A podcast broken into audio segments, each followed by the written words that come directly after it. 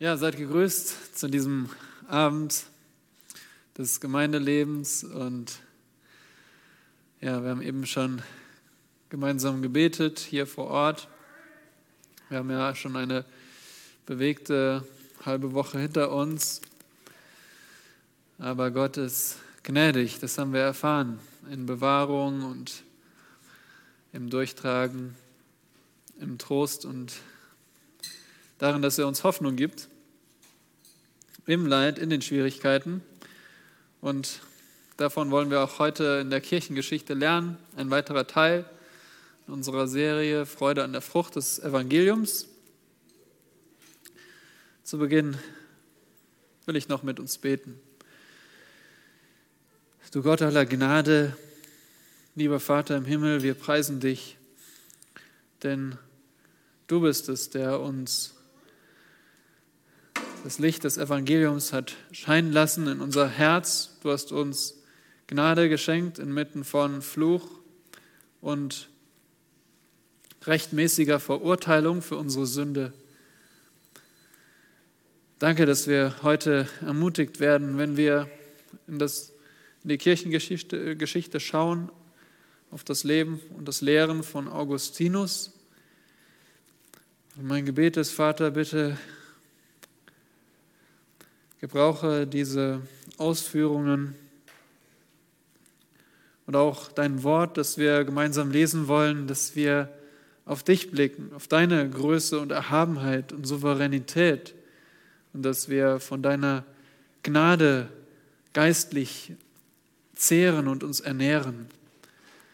Und so bitte lass nicht eine Person oder den Menschen im Mittelpunkt stehen, sondern richte unser Augenmerk auf dich, den dreieinen Gott, der im Mittelpunkt von allem steht, von all dem, was bleibt, von all dem, was gut ist, von all dem, was recht, würdig und was ewig ist. Dir gebührt die Ehre in Jesus Christus. Amen. Ja, wir wollen diese Zeit heute Abend verbringen, indem wir einen Rückblick halten auf das, was wir schon gelernt haben indem wir uns mit der Lektion befassen, der dreifache Triumph der Gnade Gottes im Leben von Augustinus und indem wir dann zusammenfassen. Zunächst also wieder der Rückblick. Ihr wisst, es beginnt mit dem Kommen des Herrn Jesus Christus. Als er, der Sohn Gottes, Mensch wurde, kam lebte, starb und auferstand und in den Himmel auffuhr und dann seine Gemeinde aufforderte, sich auszubreiten, das Evangelium in die Welt zu tragen. Das haben sie getan. In der Welt haben sie das Evangelium verkündet und Gemeinden wurden gegründet. Und dort in den Gemeinden entwickelte sich auch die Überzeugung, dass ein Bischof über den Ältesten steht. Das haben wir mehrfach gehört. Die Christen haben den Herrn Jesus Christus als höchsten König verehrt und sie waren erst eher so als eigentümlich betrachtet, später als verachtungswürdig und schließlich als der Sündenbock und so wurden sie verfolgt. Zunächst wurden sie eher lokal verfolgt und dann immer systematischer und auch über das gesamte römische Reich verbreitet. Wir haben uns auch mit den Lehrern befasst, einigen Lehrern, die in dieser Zeit der Verfolgung gelebt haben, wie zum Beispiel Polycarp. Und dessen Schüler war Irenäus.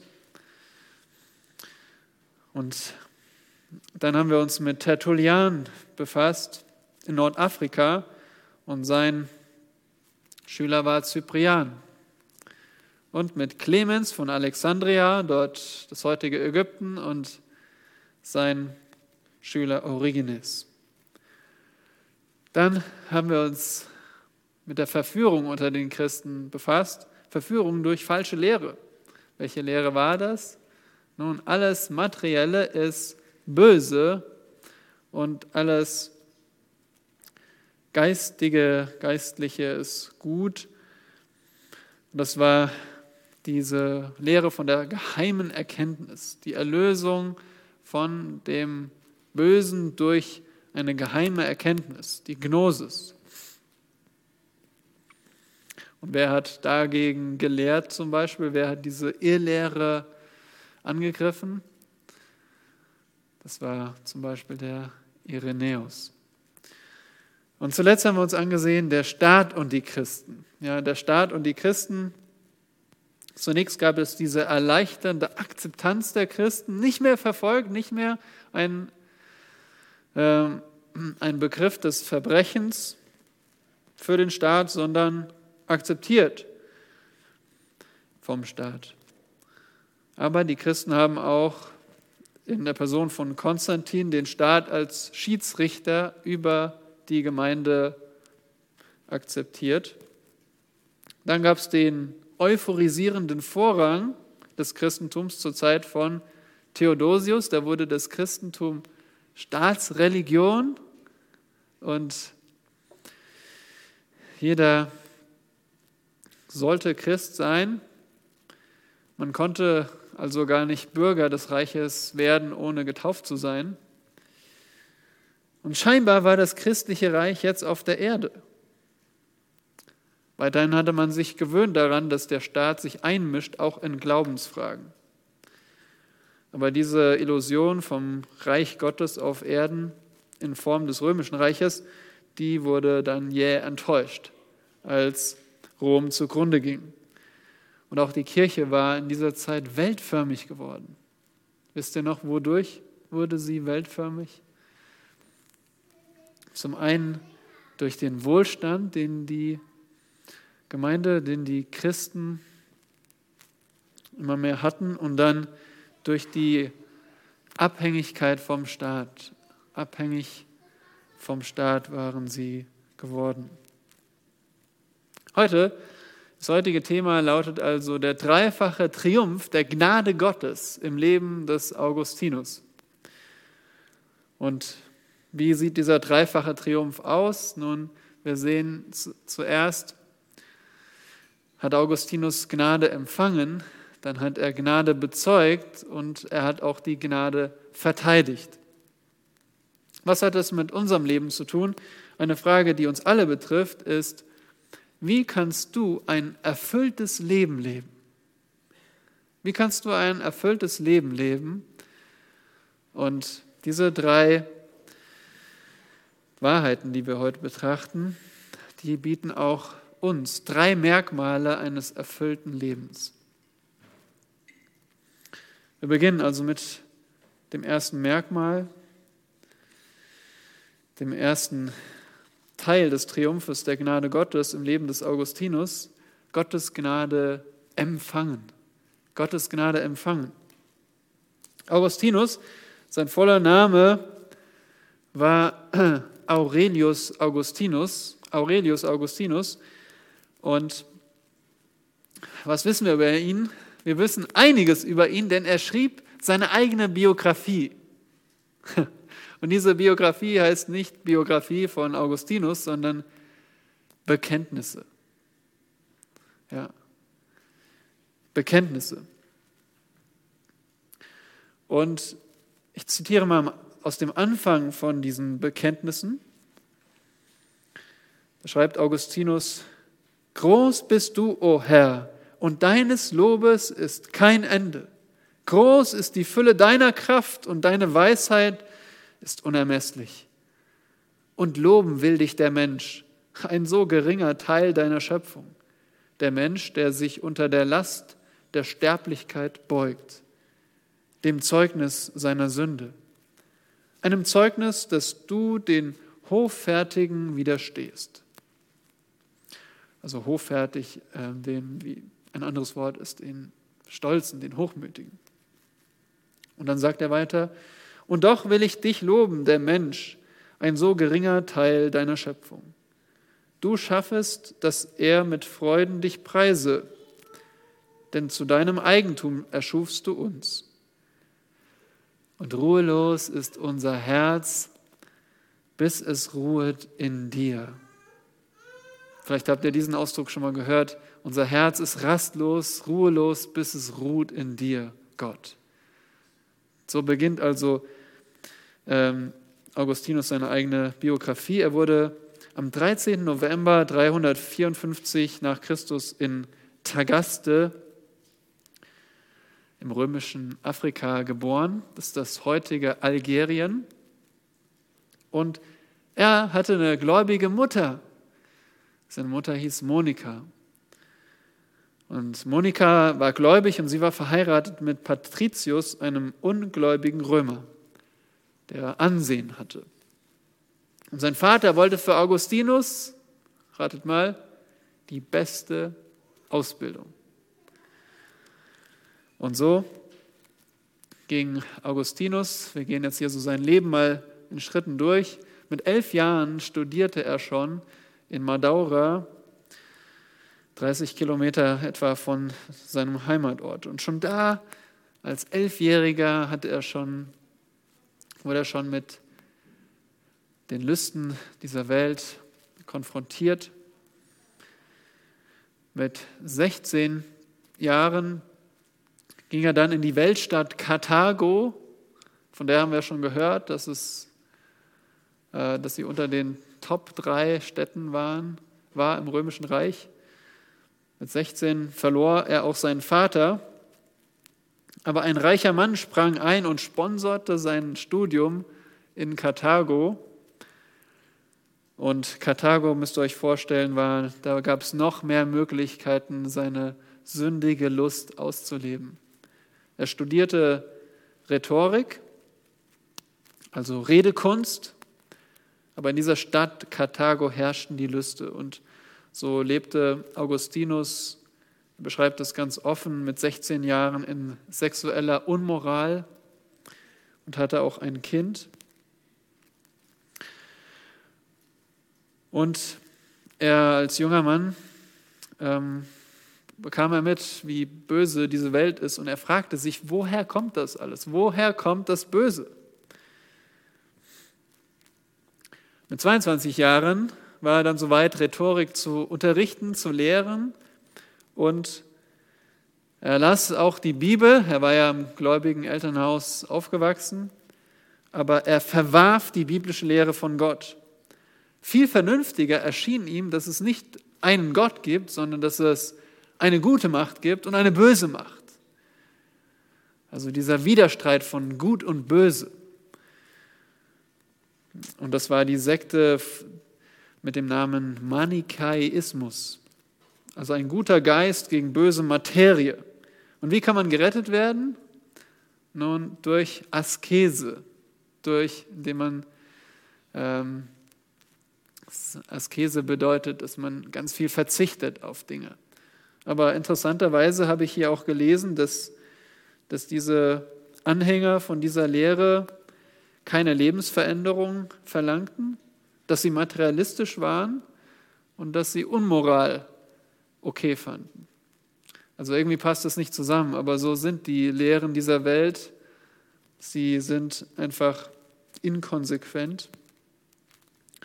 Und so lebte Augustinus weiter in seiner Sünde. Nachdem er sein Studium beendet hatte, zog es ihn zurück in seinen Geburtsort, aber seine Mutter ließ ihn nicht bei sich wohnen aufgrund seines Lebens und seiner Ablehnung gegenüber dem Herrn.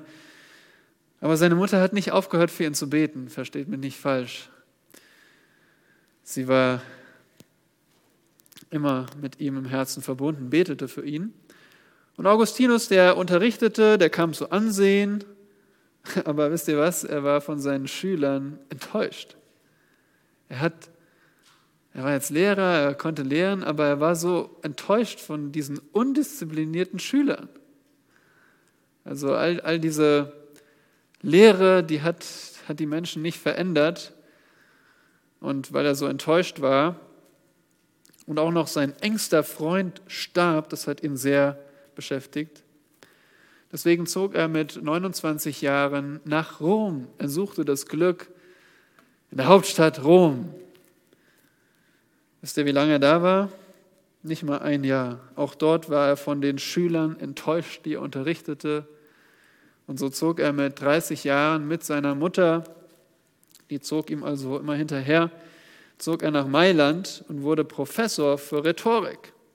Er arbeitete für Prominente, aber lebte weiter in sexueller Unmoral. Dann wendet er sich einer neuen Idee zu, dem Neoplatonismus. Was bedeutet das? Nun, das äh, war jetzt nicht mehr diese Vorstellung von Gut und Böse als zwei Mächte, sondern es gibt nur ein, ein Ding, einen, ein unpersönliches höchstes Prinzip.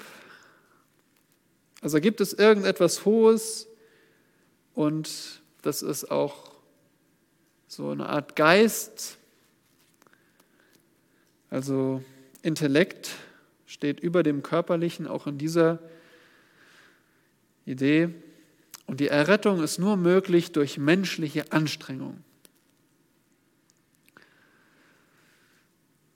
Augustinus hat von dieser Lehre mitgenommen, dass das Böse, also jetzt dachte er nicht mehr, dass das Böse irgendeine zweite Macht ist, sondern das Böse ist die Abwesenheit von Gutem.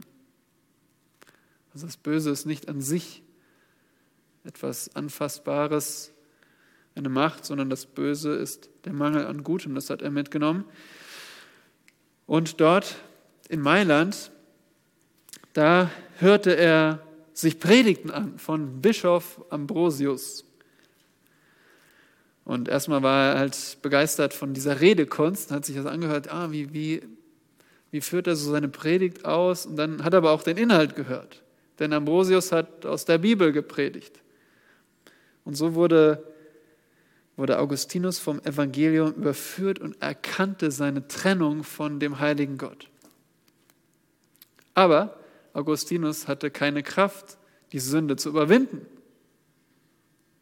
Allein das Wissen und die Überführung hat ihm nicht geholfen.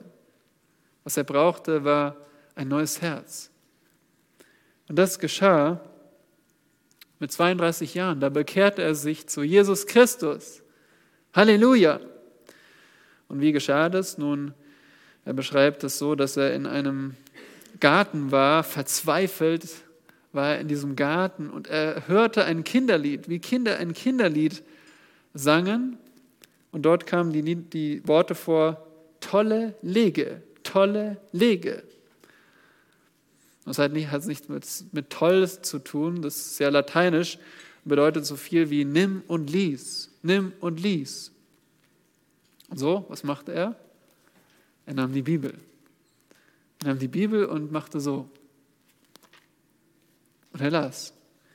Und er schlug die Bibel auf bei Römer 13, Vers 13 bis 14. Er hat die Bibel aufgeschlagen und gelesen, lasst uns anständig wandeln, wie am Tag, nicht in Schlemmereien und Trinkgelagen, nicht in Unzucht und Ausschweifungen, nicht in Streit und Neid, sondern zieht den Herrn Jesus Christus an und pflegt das Fleisch nicht bis zur Erregung von Begierden.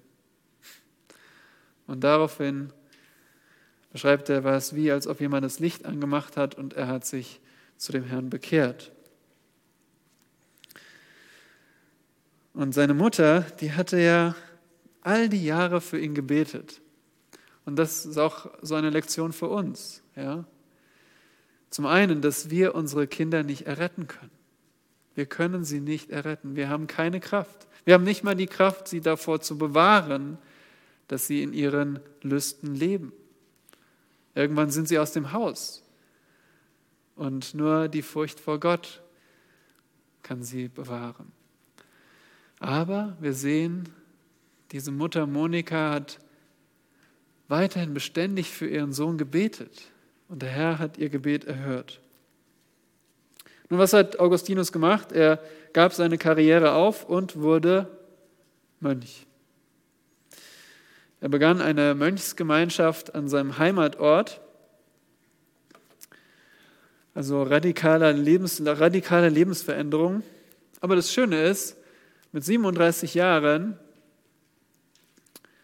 wurde er zum Ältesten berufen in der Stadt Hippo. Hippo ist also auch hier an der nordafrikanischen Küste. Und das finde ich schön. Er hat nicht jetzt nur als Mönch das, äh, sein Leben, bis an sein Lebensende gelebt. Er hat nicht in dieser künstlichen Gemeinschaft gelebt, eine Mönchsgemeinschaft.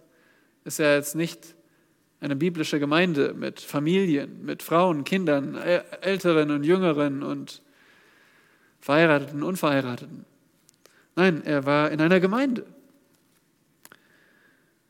Und das finde ich so schön. Und darauf gehen wir jetzt nicht so viel ein, aber er hat auch viel über die Gemeinde geschrieben und das war ihm sehr wichtig in seinem Leben. Die Bibel las er auf Latein und predigte auch und schrieb Bücher und mit 42 Jahren wurde er Bischof von Hippo. Und ihr versteht mittlerweile, was das heißt. Damals diese Überzeugung, ein Bischof steht über den Ältesten. Also er war damit der Leiter der Gemeinde, der eine. Und er predigte, er richtete, er gab Rat und er schrieb mehr als 200 Bücher.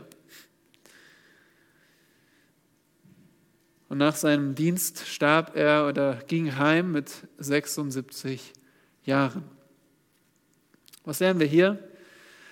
Als erstes Merkmal eines erfüllten Lebens, das erste Merkmal, da haben wir gar nicht viel in der Hand. Das erste Merkmal ist, dass wir Gottes Gnade empfangen. Die wird uns geschenkt. Das ist, das ist worauf es ankommt, dass wir Gottes rettende Gnade geschenkt bekommen. Seine Gnade, die uns rettet, umgestaltet und bis ans Ziel bringt.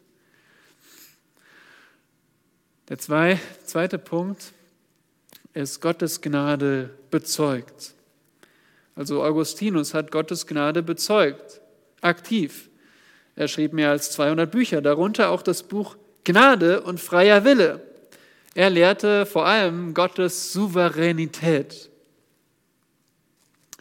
Er lehrte, lehrte, Gottes Souveränität, also dass Gott sich nach niemandem richten muss, dass er über allem steht, dass er seinen Thron aufgerichtet hat, dass er also die Autorität ist über alles, aber auch, dass er durch seine Vorsehung alle Dinge lenkt. So auch die Errettung. Was lehrte Augustinus über den Menschen? Er lehrte die totale menschliche Verderbtheit. Alles an uns ist von der Sünde durchdrungen. Warum? Nun, er lehrte, dass Adam und Eva die Sünde freiwillig wählten.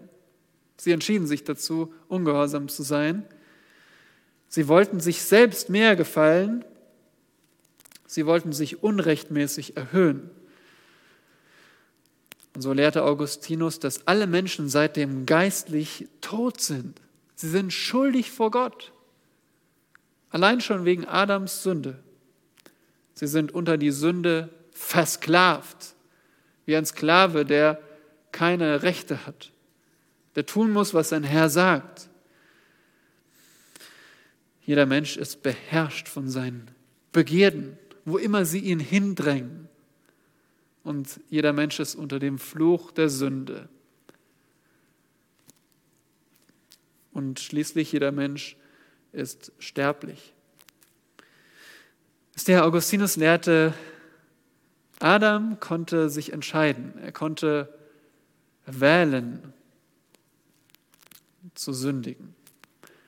Aber Augustinus sagte, unser einer, Nachkommen von Adam, wir können nicht mehr wählen, nicht zu sündigen. Also wir können nichts anderes wählen, als zu sündigen. Wir können uns nur unter den Sünden eine aussuchen. Aber wir können nicht entscheiden, ich sündige nicht mehr. Keiner kann sich retten. Alle brauchen Erlösung. Und das führt uns dahin, dass Augustinus lehrte, ohne Gottes Gnade ist der Mensch hilflos verloren. Hier halten wir mal kurz inne, denn äh, vielleicht habt ihr auch schon in der Vergangenheit mal von bewegenden oder erstaunlichen Zeugnissen gehört. Vielleicht von dem, von dem äh, jungen Mann, der als Kind schon von zu Hause ausgebrochen ist, der sich radikal abgewendet hat von allem Christentum, der in aller Lust gelebt hat, der gestohlen hat, der kriminell wurde, der drogenabhängig wurde, der ein Wrack war. Und dann hat er das Evangelium gehört. Und er hat sich bekehrt und er ist ein neuer Mensch. Und wir sind vielleicht dann versucht zu sagen, siehst du, dieser, der kann wirklich Gottes Gnade wirklich verstehen. Weil der war ganz am Ende, der war ganz unten, der hat alle Sünden ausprobiert. Aber wisst ihr, stimmt das wirklich? Können wir erst Gottes Gnade verstehen, wenn wir alle Sünden ausprobiert haben? Nein. Wir können Gottes Gnade nur verstehen, wenn wir, wenn wir sie in der Schrift erkennen. Je mehr wir Gottes Gnade in der Schrift sehen, desto mehr wird uns auffallen, wie wir, wie unsere Sünden schon ausgereicht haben, um uns völlig von Gott zu trennen und zu entstellen. Der Sünder in der gläubigen Familie braucht genauso Gottes Gnade wie, wie der Mann, den ich gerade beschrieben habe. Die Schrift brachte Augustinus dazu, Gottes Gnade zu erkennen, nicht sein sündiges Leben. Die Schrift brachte ihn dazu, Gottes Gnade zu erkennen. Und so lehrte er, dass die Errettung Gottes Werk allein ist. Und er lehrte, dass am Anfang Gottes Gnade steht, die den Menschen auserwählt, vor Grundlegung der Welt. Gott liebte bedingungslos den Sünder und erwählte ihn. Das sind so ja, für uns kaum zu fassende Wahrheiten. Warum Gott den einen begnadigt und den anderen nicht, das können wir nicht verstehen, denn das liegt in Gott allein. Er lehrte auch, dass Jesus Christus am Kreuz ein vollkommenes Sühnopfer gab und für bestimmte Menschen die Söhnung erwirkte. Er lehrte, dass Gott zwar alle Menschen ruft zu glauben, aber dass er seine Erwählten mit einem unwiderstehlichen Ruf beruft. Also Gott macht diese Menschen willig zu hören, weil sie ohne Gottes Gnade gar nicht hören wollen. Und er erlehrte, dass echte Gläubige ausharren bis zum Ende. Gott, Gottes Gnade befähigt sie dazu, auszuharren. Und so seht ihr in dieser Lehre von Augustinus, wie Augustinus Gottes Gnade bezeugte, da stand nicht der Mensch im Mittelpunkt. Es drehte sich nicht um den Menschen, sondern, so wie wir es in der Schrift sehen, drehte sich alles um Gott, auch in der Errettung. Und das ist auch das zweite Merkmal für dein erfülltes Leben. Du hast Gottes Gnade empfangen, dann setz alles daran, diese Gnade zu bezeugen. Und schließlich drittens, Augustinus hat Gottes Gnade verteidigt. Verteidigt gegen Angriffe, die kamen. Zum Beispiel von diesem Mann Pelagius. Augustinus schrieb gegen die Lehre des Pelagius, das war ein britischer Mönch. Und dieser britische Mönch, der, der hörte diese Lehre von der Gnade und dass alles an Gottes Gnade hängt und er beobachtete, dass es sogenannte Christen gab, die einen ganz geringen moralischen Standard hatten und in ihren Sünden lebte und äh, in ihren Sünden lebten. Und dann brachte er das in Verbindung und sagte, siehst du, da wird gelehrt, dass Gott, Gottes Gnade, die macht alles. Und das Ergebnis ist, die Christen, die leben einfach, wie sie wollen. Und sind jetzt noch, sehen sich vielleicht sogar äh, ihre Sünden entschuldigt. Und so lehrte dieser Pelagius Folgendes. Er lehrte, Adam war auch ohne Sünde sterblich. Adam wäre auch ohne Sünde gestorben. Er lehrte, Adams Sünde schadete nur Adam selbst. Aber jedes Baby wird sündlos geboren und kann sündlos leben. Pelagius lehrte, es gab sogar sündlose Menschen. Und er lehrte, mit dem freien Willen kann jeder Mensch Gottes Willen wählen. Gnade ist nur ein Zusatz.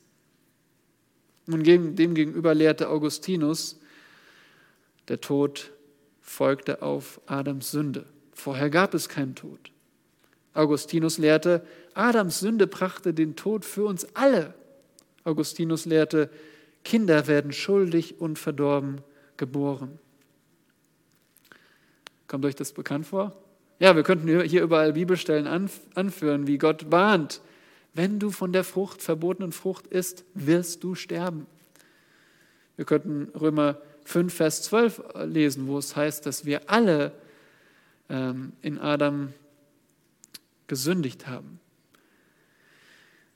Wir könnten ähm, in den Psalmen aufschlagen, wo, wo ähm, Psalm 51 ist es, denke ich, wo David sagt, dass er sogar schon in, als Sünder geboren wurde. Römer 3, keiner ist gerecht. Und so lehrte Augustinus, dass der Mensch unfrei ist, nicht zu sündigen. Also er hat nicht die Freiheit zu sagen, ich sündige nicht mehr. Und so lehrte Augustinus, Gottes Gnade ist absolut notwendig. Hier nochmal eine Gegenüberstellung. Pelagius lehrte, der Mensch muss dazu fähig sein, was Gott von ihm verlangt. Ja, Gott gibt ihm Gebote in der Bibel, also muss der Mensch das auch tun können. Augustinus lehrte, Gott muss im Menschen bewirken, was er von dem Menschen verlangt. Was ist, was ist das Problem? Was ist dieser springende Punkt bei diesen beiden gegensätzlichen Aussagen ganz oben? Nun, muss der Mensch fähig sein dazu, was Gott von ihm verlangt? Ja, wenn er heilig ist. Ja, wenn er nicht gefallen ist. Adam konnte alles tun, was Gott von ihm verlangt aber seitdem wir in Sünde gefallen sind, nicht mehr. Deswegen müssen wir ja errettet werden. Und so sehen wir hier ist das Problem eine falsche Sicht der Sünde und der Verdorbenheit. Pelagius lehrte zweitens, das Problem des Menschen ist seine schlechte Umgebung. Kennen wir, oder? Hören wir immer wieder. Das Problem sind die Umstände. Während Augustinus lehrte, das Problem ist, das sündige Herz. Das sind wir selbst, was in uns drin ist. Unsere Gedanken, unser Wollen, unsere Verlangen. Pelagius äh, lehrte Gott, was Gott tut, ist, er spornt uns äußerlich an. Er gibt den äußerlichen Anstoß. Während Augustinus lehrte, was Gott tun muss, ist, er muss uns innerlich verändern, innerlich ziehen, unseren Willen verändern. Weiterhin lehrte Pelagius, Errettung kommt durch Verzicht. Wir haben vorhin gelernt, gelernt, dass Pelagius eben diese scheinbaren Christen sah. Ich weiß nicht, ob sie alle errettet waren, aber er sah diese bekennenden Christen, die eben einen ganz niedrigen moralischen Standard hatten. Und er, seine Reaktion war, wir müssen einfach allem diesem entsagen. Wir müssen verzichten. Und das ist, wie wir uns selbst verbessern, wie wir uns am Riemen reißen, wie wir so sind, wie Gott uns haben will. Aber Augustinus sagt, Errettung kommt nur durch Gottes Gnade, Gottes Eingreifen, Gottes unverdientes Schenken und Wirken und Handeln. Aber hier kommt der Punkt. Wie haben Sie denn Gnade definiert? Und Pelagius sagte, Gottes Gnade bedeutet, dass er uns einen freien Willen geschenkt hat. Das ist Gottes Gnade für uns. Und zweitens, dass Gott uns sein Gesetz gegeben hat und das Vorbild Jesu Christi. Also, dann setzt euch mal in diese Lage hinein von Pelagius. Er sieht den Menschen also als völlig fähig zu tun, was Gott will er muss nur die Fähigkeit haben. Hat er freier Wille? Er muss wissen, was er tun muss. Hat er hier Gesetz Gottes? Und er muss ein Vorbild haben. Jesus Christus, sein Vorbild. Hast, hast du alles, was du brauchst? dann kannst du jetzt sündlos leben, wenn du ganz gut bist. Völlig anders äh, Augustinus. Er lehrte, die, Gottes Gnade ist Gottes Kraft, die Kraft des Heiligen Geistes, die neues Leben spendet, die dich neu macht. Du bist tot, du brauchst Leben. Du brauchst nicht nur irgendwie ein bisschen Anleitung, du brauchst ein völlig neues Leben. Und schließlich, äh, was ist das Ziel davon? Der Himmel. Pelagius lehrte, der Himmel ist die Belohnung für Anstrengung. Das ist nur die logische Folgerung aus seiner falschen Lehre. Aber ihr seht schon, wenn irgendwo ein fauler Punkt ist, dann kann alles noch so logisch aufgebaut sein, dann sind wir am Ende bei der Irrlehre und landen in der Hölle. Aber Augustinus lehrte, der Himmel ist ein Geschenk aus Gnade. Also selbst als errettete Christen können wir nicht sagen, jetzt verdienen wir was. Es ist immer noch Gnade. Und das sind diese konträren Ansichten. Nur am Rande eine Fußnote, es gibt da noch so eine Mittelposition, die sich auch in dieser Zeit entwickelt hat, Semi-Pelagianismus, wo gesagt wird, ja, es, der Mensch hat zwar seinen Willen, aber er braucht schon Gott, aber ähm, der menschliche Wille und der göttliche Wille, die wirken so zusammen bei der Errettung, wobei der menschliche Wille immer noch so der entscheidende Faktor ist. Aber das ist auch Ziel halb verfehlt, ist auch vorbei. So müssen wir alles an der Schrift prüfen. Zum Schluss eine Zusammenfassung zur Frage, wie kannst du ein erfülltes Leben leben? Und das Erste ist, was ich dir zurufen möchte, empfange Gottes Gnade. Und du fragst vielleicht, wie kann ich das machen? Ich empfange es doch passiv. Nun, die Bibel sagt, es hängt an Gottes Gnade allein, aber du hast auch eine Verantwortung. Und diese Verantwortung wird in Römer 4, Vers 16 deutlich wo Paulus davon spricht, wie ein Abraham, wie ein David vor Gott Gerechtigkeit erlangten. Nicht durch ihre Gesetzeswerke, sondern aus Glauben. Römer 4, Vers 16. Darum ist es aus Glauben, damit es aufgrund von Gnade sei auf dass die Verheißung dem ganzen Samen sicher sei, nicht nur demjenigen aus dem Gesetz, also den Juden, sondern auch dem aus dem Glauben Abrahams, der unser aller Vater ist, also Juden und Heiden, die wie Abraham glauben. Seht ihr, in diesem Vers heißt es, es ist aus Glauben, damit es aufgrund von Gnade sei. Also seht ihr, wie die Grundlage ist Gnade, aber dieses, dieser, dieser Weg, gerettet zu werden, ist durch den Glauben. Und das ist etwas, was, was wir Menschen tun. Ja, es ist kein Werk, für das wir uns rühmen können, aber jeder Einzelne muss glauben. Immer wieder heißt es, glaube an den Herrn Jesus und du wirst errettet werden.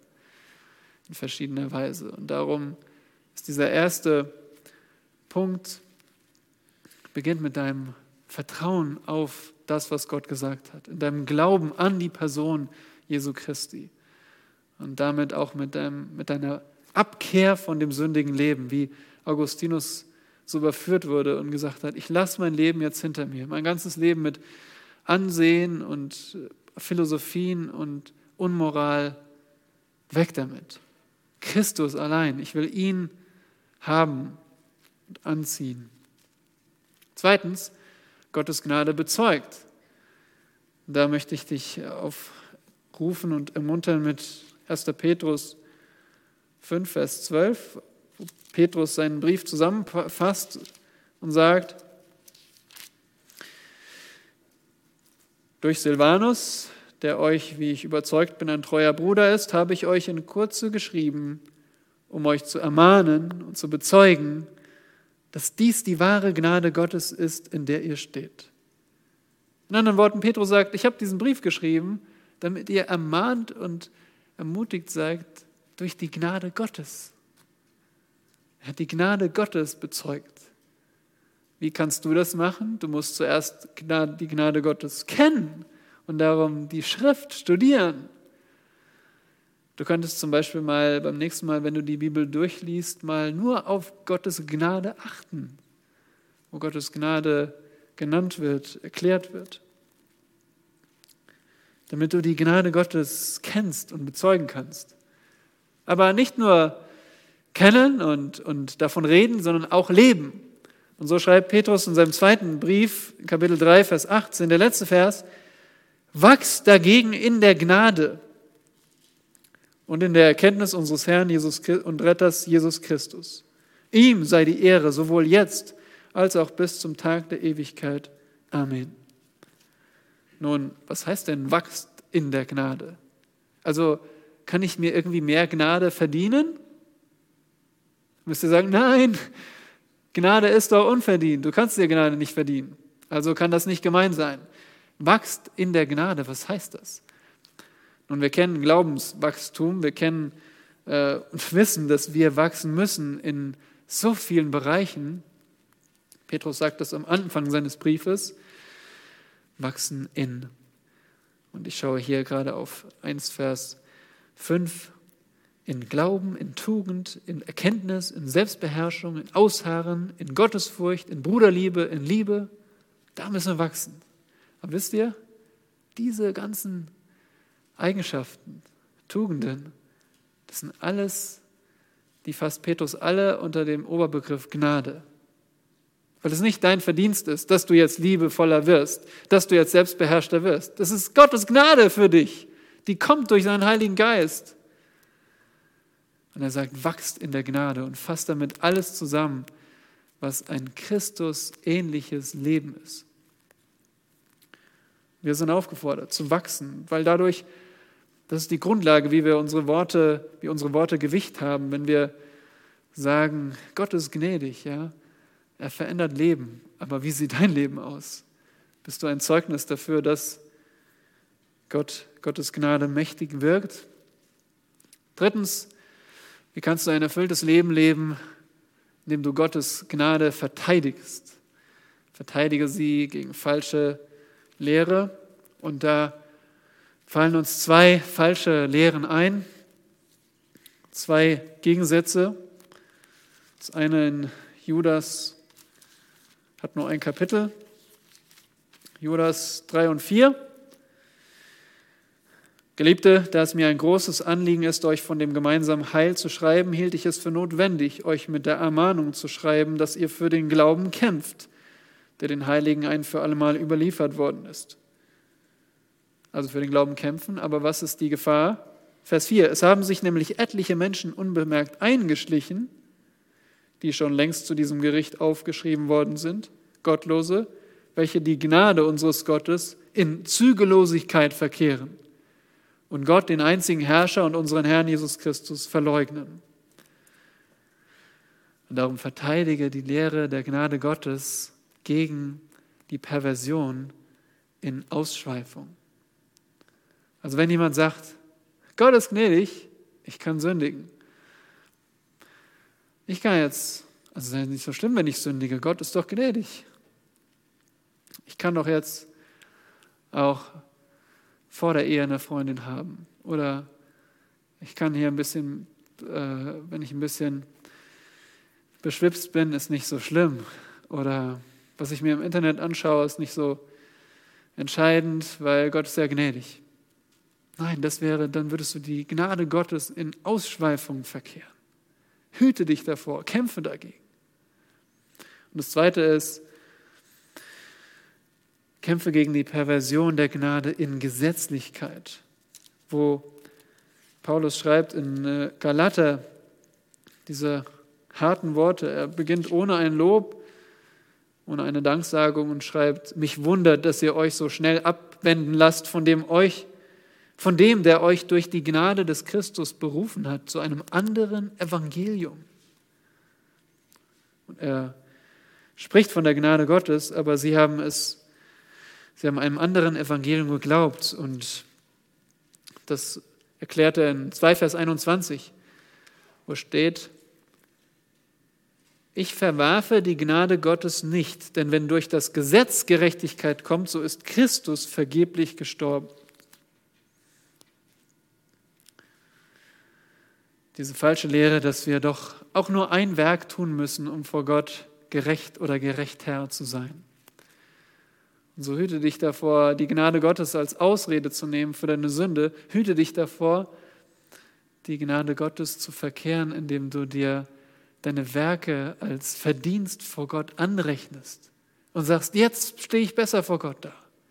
Ich habe was getan. Gott hat mir viel Gnade geschenkt, aber ich konnte was tun für ihn und stehe jetzt besser da. Nein, alles Gnade. Deine Rettung Gnade, deine Heiligung Gnade, dass du jetzt verändert wirst Gnade, dass du heute etwas Gutes tun konntest, Gottes Gnade, dass du der Sünde widerstanden hast Gnade, dass du den Glauben nicht aufgibst Gnade, dass du auf dem Sterbebett Gott immer noch bekennst Gnade und dass du im Himmel ankommst Gottes Gnade. Alles Gnade, die Gnade Gottes regiert. Wir sind nicht Marionetten, wir sind immer noch verantwortliche Menschen vor Gott. Mit Willen, mit Verstand, mit Verlangen, mit Intellekt. Aber ohne die Gnade Gottes sind wir gar nichts. O Gnade Gottes, wunderbar hast du errettet mich. Ich war verloren, ganz und gar, war blind. Jetzt sehe ich. Amen.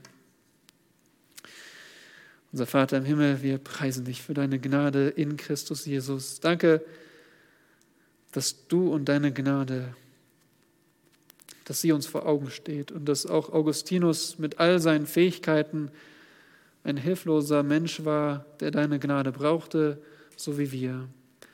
Wir sind durch dasselbe Opfer erkauft und durch dieselbe Gnade erlöst, verändert und auch schon so gut wie verherrlicht. Danke für deine Gnade in Jesu Namen. Amen.